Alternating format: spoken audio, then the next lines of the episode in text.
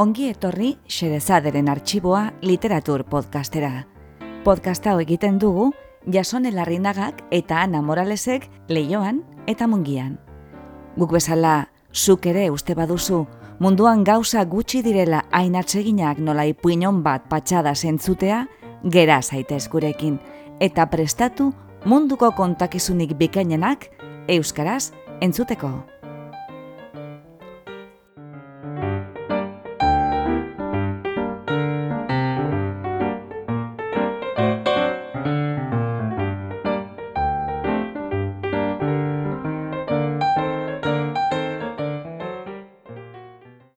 Gaur, xerezaderen arxiboan, autore baten arratsa.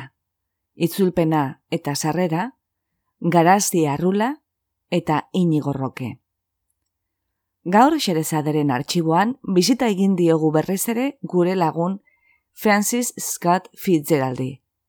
Aurreko atal batean, haren beste ipuin bat irakurri genuen, amarkada galdua, inigorrokeren itzulpenean.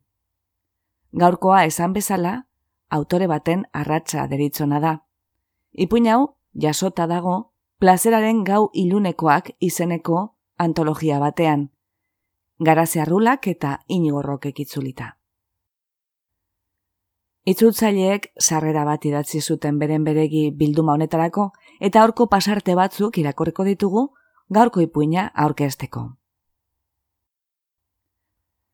Itzaurre honen aurretik, Scott Fitzgeralden aipu bat jarri dute itzultzaileek. Ez dut, lengo inozentzia berreskuratu nahi. Ura berriro galtzearen plazera nahi dut. Francis Scott Fitzgeraldek berak zioen bizipenak behar zituela idazteko, eta haren gurari hori ezin egokiagoa da solas laburroni ekiteko, Bizitakoak eta idatzitakoak nahasian emango baititugu hemen, antologia honetako kontakizunek idaturik. Kontuan izan, bizi ere, karrez bizi nahi izan zuela. Gozatu nahi dut, xelebrea eta xaloa izan nahi dut, deus ere ez galtzeko.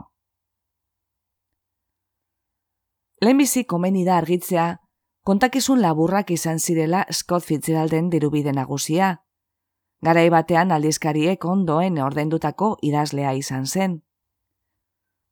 Saiatu zen antzerki gintzan eta zinemarako gidoi gintzan ere, baina denetan porrot egin zuen. Diruak, ala, bere biziko garrantzia izan zuen arenkezken artean. Zehatz jaso dira, han hemengo azterlanetan, skat fitzealden diru kontuak zehatz kalkulatu zuen zenbat diru beharko zuen segokion bizimodua izateko. Segokion hori kakotxen artean. Jatorriz, familia apalekoa izanik, oso harreman gazigozoa izan zuen aberatzen munduarekin. Princetonen ikasi zuen, haren Andrea izango zenak, zeldak, ez zuen zine zaintzat hartu, dirutu zen arte, egoaldeko familia on batekoa baitzen horren konsientzia argia zuen eskatek.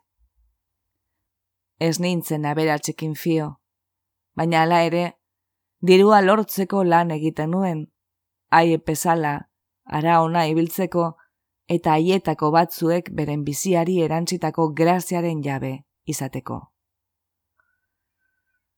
Ez da, ez, leba gutxikoa, diruaren aipu materialista hori, barkabeza irakurleak, oraindik literaturaren ikuspegi erromantikoa baldin badu. Kontagintzaren irabazpideak beste eginkizun ustez gorago batzuetatik aldendu baitzuen idazlea. Izan ere, Scott Fitzgeraldek, han hemen gogutunetan, bereizi egiten zituen kontsumorako literatura, kontakizunak, eta literatura jasoa, eleberriak, gizarteak ere, eleberrigileak baitzeuskan idazle benetako edo seriotzat. Alta, bere artean, bestelako aburuak zerabiltzan. Asko eskatu diet nire emozioei. Eun da hogei kontakizun. Kostua handia izan da, kiplinek zioenez, zeren kontakizun guztietan zerbaitxo isuri baitut. Odola malkoak edo hasia ez, baizik, nire barruragoko zerbait. Ikusiko dugunez, idazlearen bizi goze horrek, ez du azkenik izango, eta lastero hartuko da, ahaleginaren agorraz, baina hala ere, borrokarako gogoa etzaio iraungiko. Porrota ezin bestekoa zela jakinarren, ekinean jarraitu nuen, arrakasta lortzeko. Hor Scott Fitzgeraldek berak arrakastak akotxartean zekarren.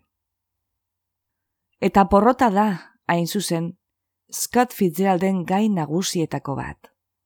Porrot seguruaren aurrean kikiltzen esten bizizalearena.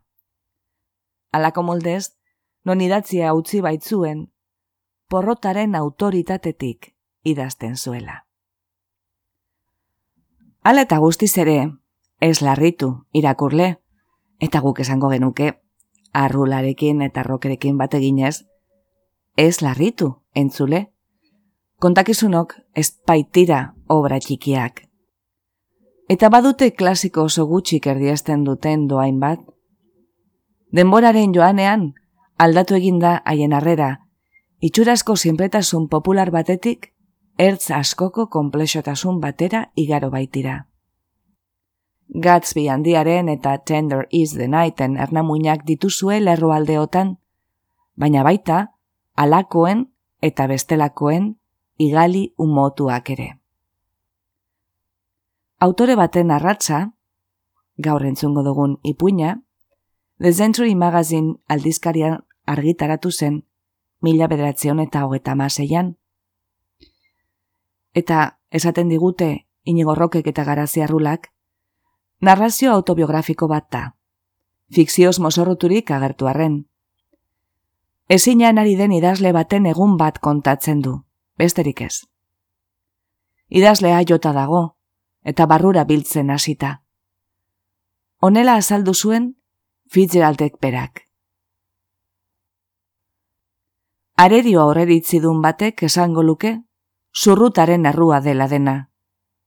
Ama arro batek esango luke, zoritxarra baizik ez dela. Bankari batek esango luke, egun oparoetan ez nuela deus gorde etorkizunerako. Psikologo batek esango luke, nervio makalaldi bat izan dela.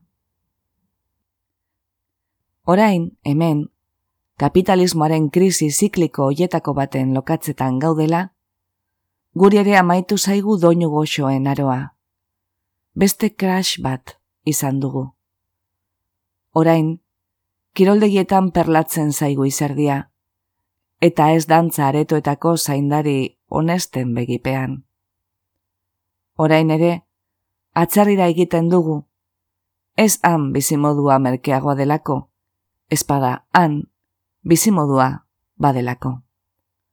Eta bai, ritzeko zerbitzaburuak bezala, autodotorea aparkatua dugu kale kantoian edo bankuak kendu digo dagoeneko. Orain, plazeraren osteko gau iluna dator. Onaino sarrera eta orain entzun dezagu autore baten arratsa. Bat.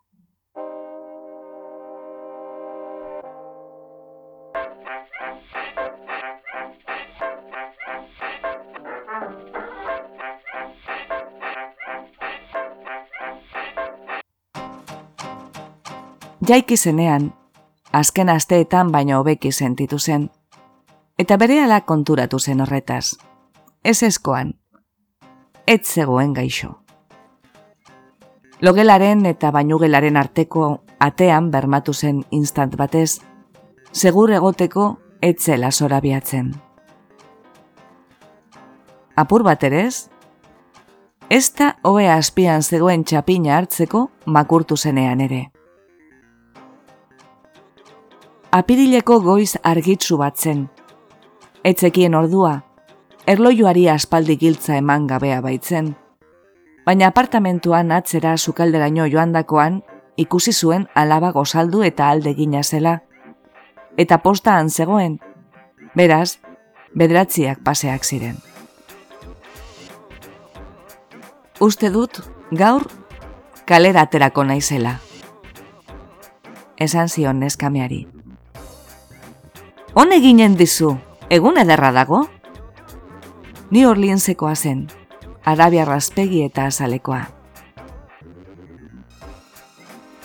Bi arrautza nahi ditut atzo bezala, hogi txigortua, laran jaura eta tea.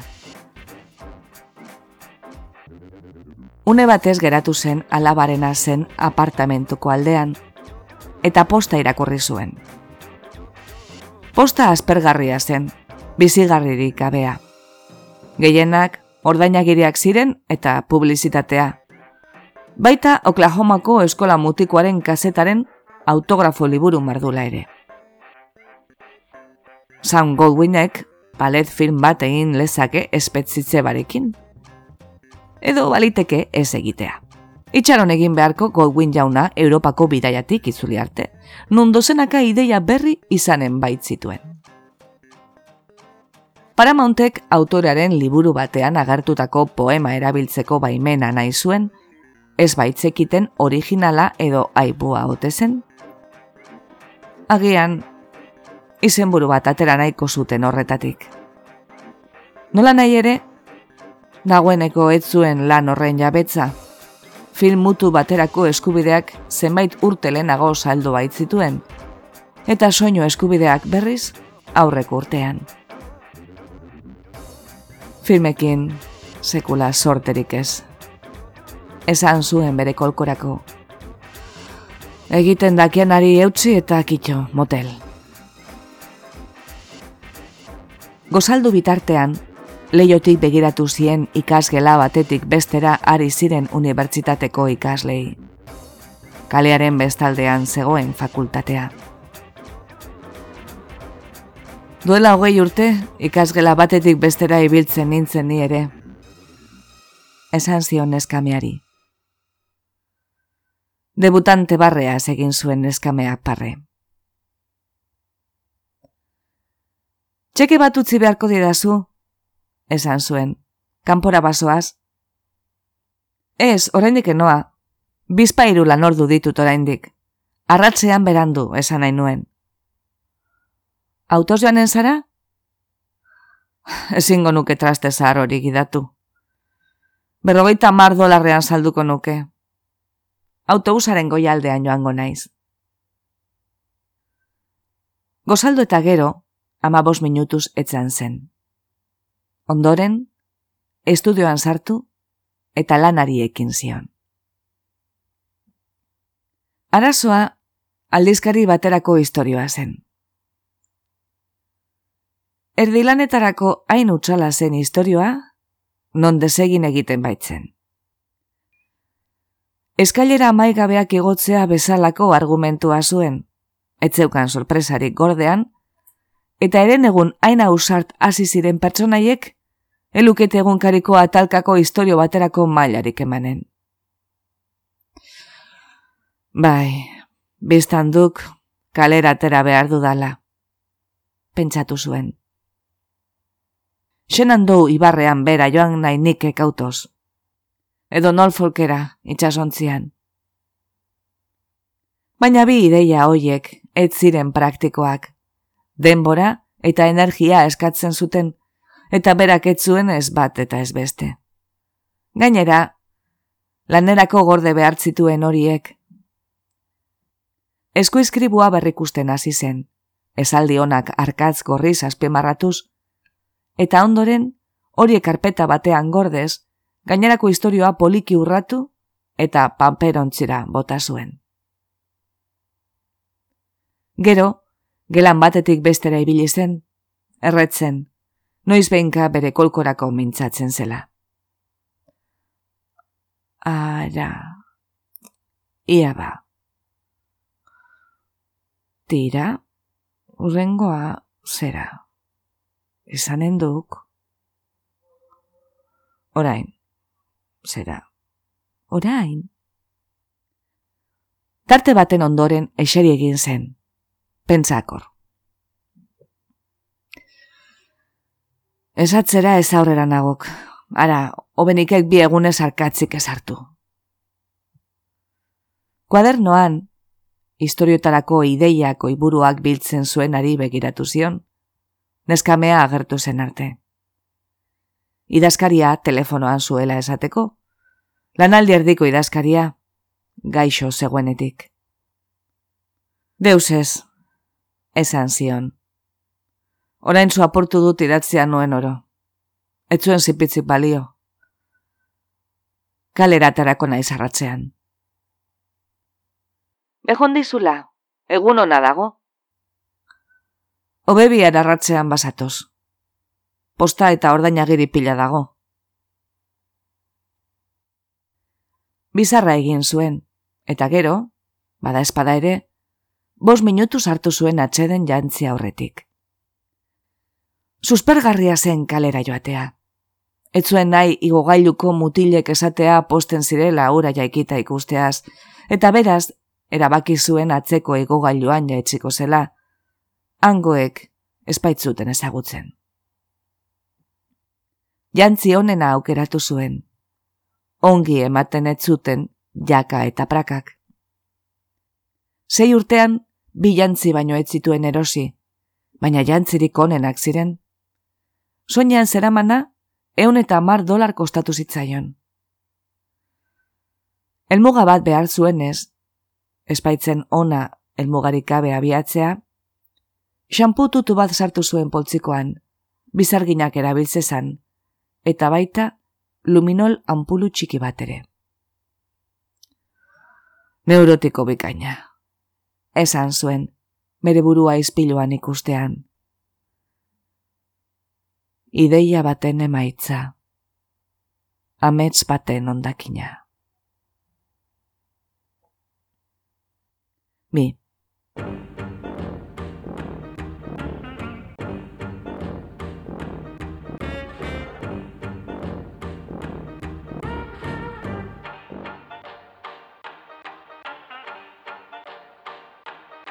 Sukaldera joan eta aio egin zion eskameari, Little Amerikara joanen balitz bezala. Behin, gerran, beretzat hartu zuen auto bat plantak egiteko asmoz, eta New Yorketik Washingtonera baino ez zuen gidatu, desertoretzat arretz ezaten. Orain, adi zegoen kale kantoian semaforoa noiz aldatuko, gazteak ondotik igarotzen ziren bitartean, trafikoari axolagabe. Autobus geralekuaren bazterrean, suaitzen azpian, berde eta atsegina zen giroa. Eta gogoan hartu zituen Stonewall Jacksonen azken hitzak. Guazen ibaia zeharkatzera, eta suaitzen gerizpean atxeden hartzera. Basirudien gerra zibileko lideraiek, tanpez ohartu zirela zein nekatuak zeuden, Li, beste gizon bat bihurtzera inozi murtuz. Grant, etxi etxian bere memoriak idatziz, amaieran. Autobus bidaia, espero zuen bezalako xea izan zen. Gizon bat besterik ez goialdean, eta adar berdeek kales kale kolpekatzen zituzten leioak. Segurazki zuaitzak kimatu beharko zituzten, eta pena zen hainbeste ziren begiratzeko lekuak, etxe hilara baten kolorea zehazten saiatu zen, baina amak operara zeraman kapa bat baino ezitzaion bururatu. Amaika tonukoa izan eta hala ere tonu batekoa ere etzena. Argia eslatzen zuen besterik ez. Nunbait, Elisa kanpaiak benite adoremus ari ziren jotzen, eta bere buruari galdetu zion zergatik.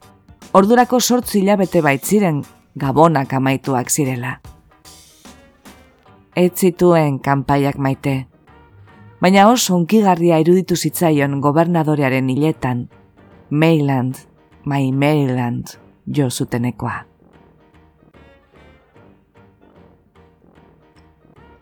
Unibertsitateko futbol zelaian alperrekin lanean ari ziren gizonak, eta goiburu bat bururatu zitzaion. Belase zaintzailea. Edo, are, belarra azten da. Urtetan belasean lanean ari den gizon bati buruzkoa edo, semea esten unibertsitatera joan dadin, eta han futbolean jokadezan. Semea gaztetan hilko da ordea, eta gizona lanera joanen da hilerrira belasea semearen gainean jartzeko, oinazpean jarri beharrean. Antologietan biltzen diren lan hoietakoa izanen zen, naiz eta ez izan autorearen estiloko zerbait. Pustutako antitesia baino etzen, herri historio bat bezain finkatua eta idazteko erraza. Alta, jende asko usteko zuen aparta zela. Malenkoniatsua zelako, mamia bazuelako eta ulertzeko erraza zelako. Autobusa Atenastar itxurako tren geltoki hitz baten aurretik igaro zen, zeina kanpoaldeko alkandara ordineko maleta mutilek bizi berritzen baitzuten. Kalea estutu zen saltokiak azten ziren lekuan, eta kolore biziekin jantzitako neskak agertu ziren bapatean guztiak ederrak. Sekula lako neska ederrik ikusi gabea zela pentsatu zuen. Gizonak ere baziren, baina aski ergelak ziruditen denek. Bera bezala, izpiloaren aurrean, eta atzo itxusiak zeuden eta segidan baziren baita ere, aurpegi arrunt eta desatseginak nesken artean. Baina oroar, aski maitagarriak ziren, kolore askotan jantziak, sei eta hogeta mar urte bitartekoak, planik edo gatazkarik ez haien arpegietan, eten gozo bat besterik ez, erakargarri eta bare. Minutu batez, bizitza izugarri maitatu zuen, eta sentitu zuen, etziola inondik ere uko egin nahi. Pentsatu zuen, agian, hanka sartzea izan zela hain kaleratzea. Autobusetik jaitzi zen. Elduleku guztietan ongi bermatuz, eta etxadi bat ibili zen hoteleko bizartegiraino. Kirolden baten paretik igaro zen, eta gabe begiratu zion erakusleioari, aurra belztua zuen lengo basearen eskularru bati erreparatuz. Horren ondoan, mertzeria bat zegoen, nuntarte batez geratu baitzen, alkandora ilun laukidun eta eskoziarrak ikusteko. Duela amar urte, Rivierako udan, autoreak eta beste batzuek langila alkondara urdin ilunak erosi zituzten, eta baliteke ura esatea estilorren jatorria. Alkandora laukidunak erakargarriak iruditu zitzaizkion, uniformeak bezain biziak, eta desio izan zuen hogei urte izan, eta ondartza klub batera joatea. Tarnerren ilun senti eta gido reniren egun senti baten giza jantzirik. Bizartegia handia zen, argitzua eta lurrintzua. Hil asko ziren autorea irira asmo horrekin joaten etzela, eta antza, beraren bizargina oean zegoen artritisak jota. Hala ere, beste gizon batia saldu zion xampua nola erabili. Egunkaria refusatu eta eseri egin zen. Burua salean zituen atzindartzuekin posik eta sensualki kontent. Ordurarte ezagutu zituen bizargin guztien oroitzapen atsegin eta nahasia buruan bueltaka zuen bitartean. Bizargin bati buruzko istorioa idatzi zuen behin, Mila bederatzion eta hogeta bederatzean, orduan bizileku zuen iriko bizartegi gustokoenaren jabeak, irureun mila dolarreko dirutza egin zuen tokiko enpresaburu baten eskupekoi esker eta erretiroa hartzea zegoen. Autoreak ez zuen dirurik burtsan, egiatan, Eropara itxasoratzeko sorian zegoen ordurarte pilatutako guztiarekin, eta udazken hartan, bizarginak bere dirutza guztia galdu zuela entzun zuenean, bere ekin zion historio bat idazteari. Kontaketa, giza guztietan mozorrotuz, naiz eta bizargin baten historioari eutxi, zeina gizartean gora egin ondoren erortzen baitzen. Hala ere, entzun zuen irian historioari antzeman ziotela, eta nolabaiteko erresumina piztu zuela. Garbiketa bukatu zen. Sarrerara atera zenean, orkestra bat jotzen hasi zen kalearen bestaldeko tabernan, eta pur batez entzuten geratu zen atean.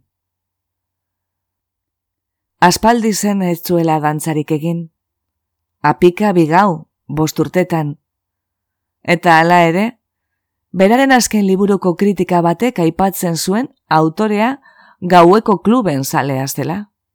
Kritika berak zioen neka ezina zela. Itzak bere buruan oiartzun egitean, zerbaitek mindu zuen une batez. Eta begietan, ahultasun malkoak sumatu zituenean, aldegin zuen. Astapenetan, duela amabosturte, errastasun mortala zuela esaten zutenean bezala zenura. Eta berak, esklabo baten gixara, lantzen zuen esaldi oro, ala izan etzedin. Ah, garrasten hasian hau berriz, esan zion bere buruari. Hori ez dukona, ez dukona. Etxera joan behar diat. Autobusari denbora asko kostatu zitzaion heltzea, baina ez zituen taksiak maite, eta oraindik ere itxaropena zuen zerbait bururatuko zitzaiola, goiko solairuan bulebarreko osto berdetatik igarotzen zenean. Autobusa azkenean heldu zenean, lanak izan zituen eskailerak igotzen, baina merez izan zuen. Ikusi zuen lengo gauza, bin erabe izan baitziren, mutil bat eta neska bat. Inolako lotxarik gabe, Lafayeten estatuaren zutoin garaian eserita, bata besteari, era batadi. Haien bakartasunak, unkitu egin zuen autorea, eta jakin zuen, hortik, zerbait aterako zuela lanerako, bere bizitzako bakartze gero eta handiagoarekin, eta dagoeneko ongi aukeratutako iragana berriz aukeratzeko behar gero eta handiagoarekin alderatzeko besterik espatzen ere. Baso berritzea behartzuen, ongi zekien hori, eta espero zuen lurrak beste oparo aldi bat izanen zuela. Sekula etzen lurrik onena izan, hauldade goiztiar bat izan baitzuen, entzuten eta behatzen jardun ordez, itxurak egiten aritzeagatik.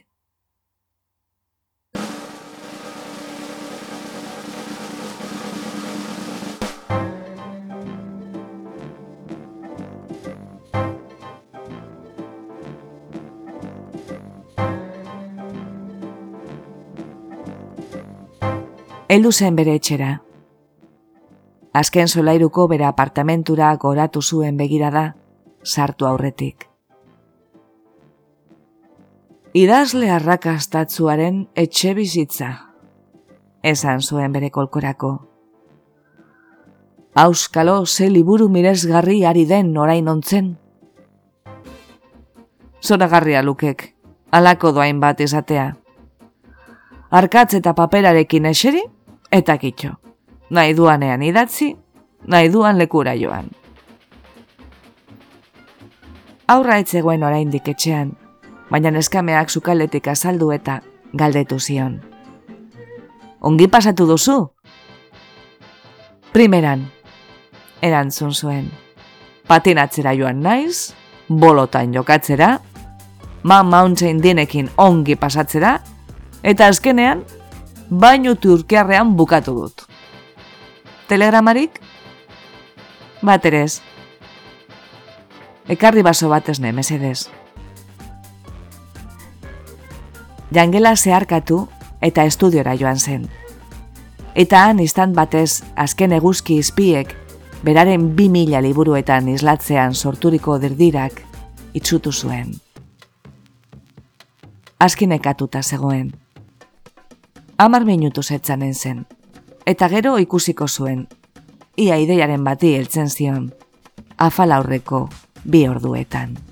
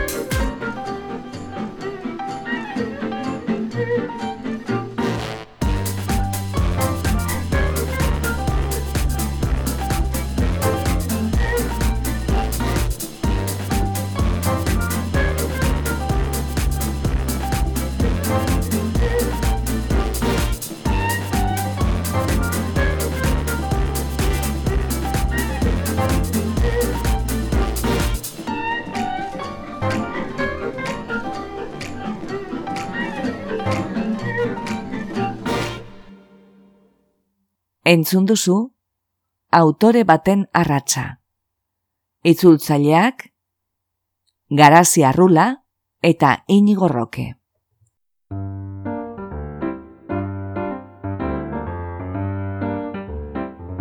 Xerezaderen artxiboko atal bat entzun duzu.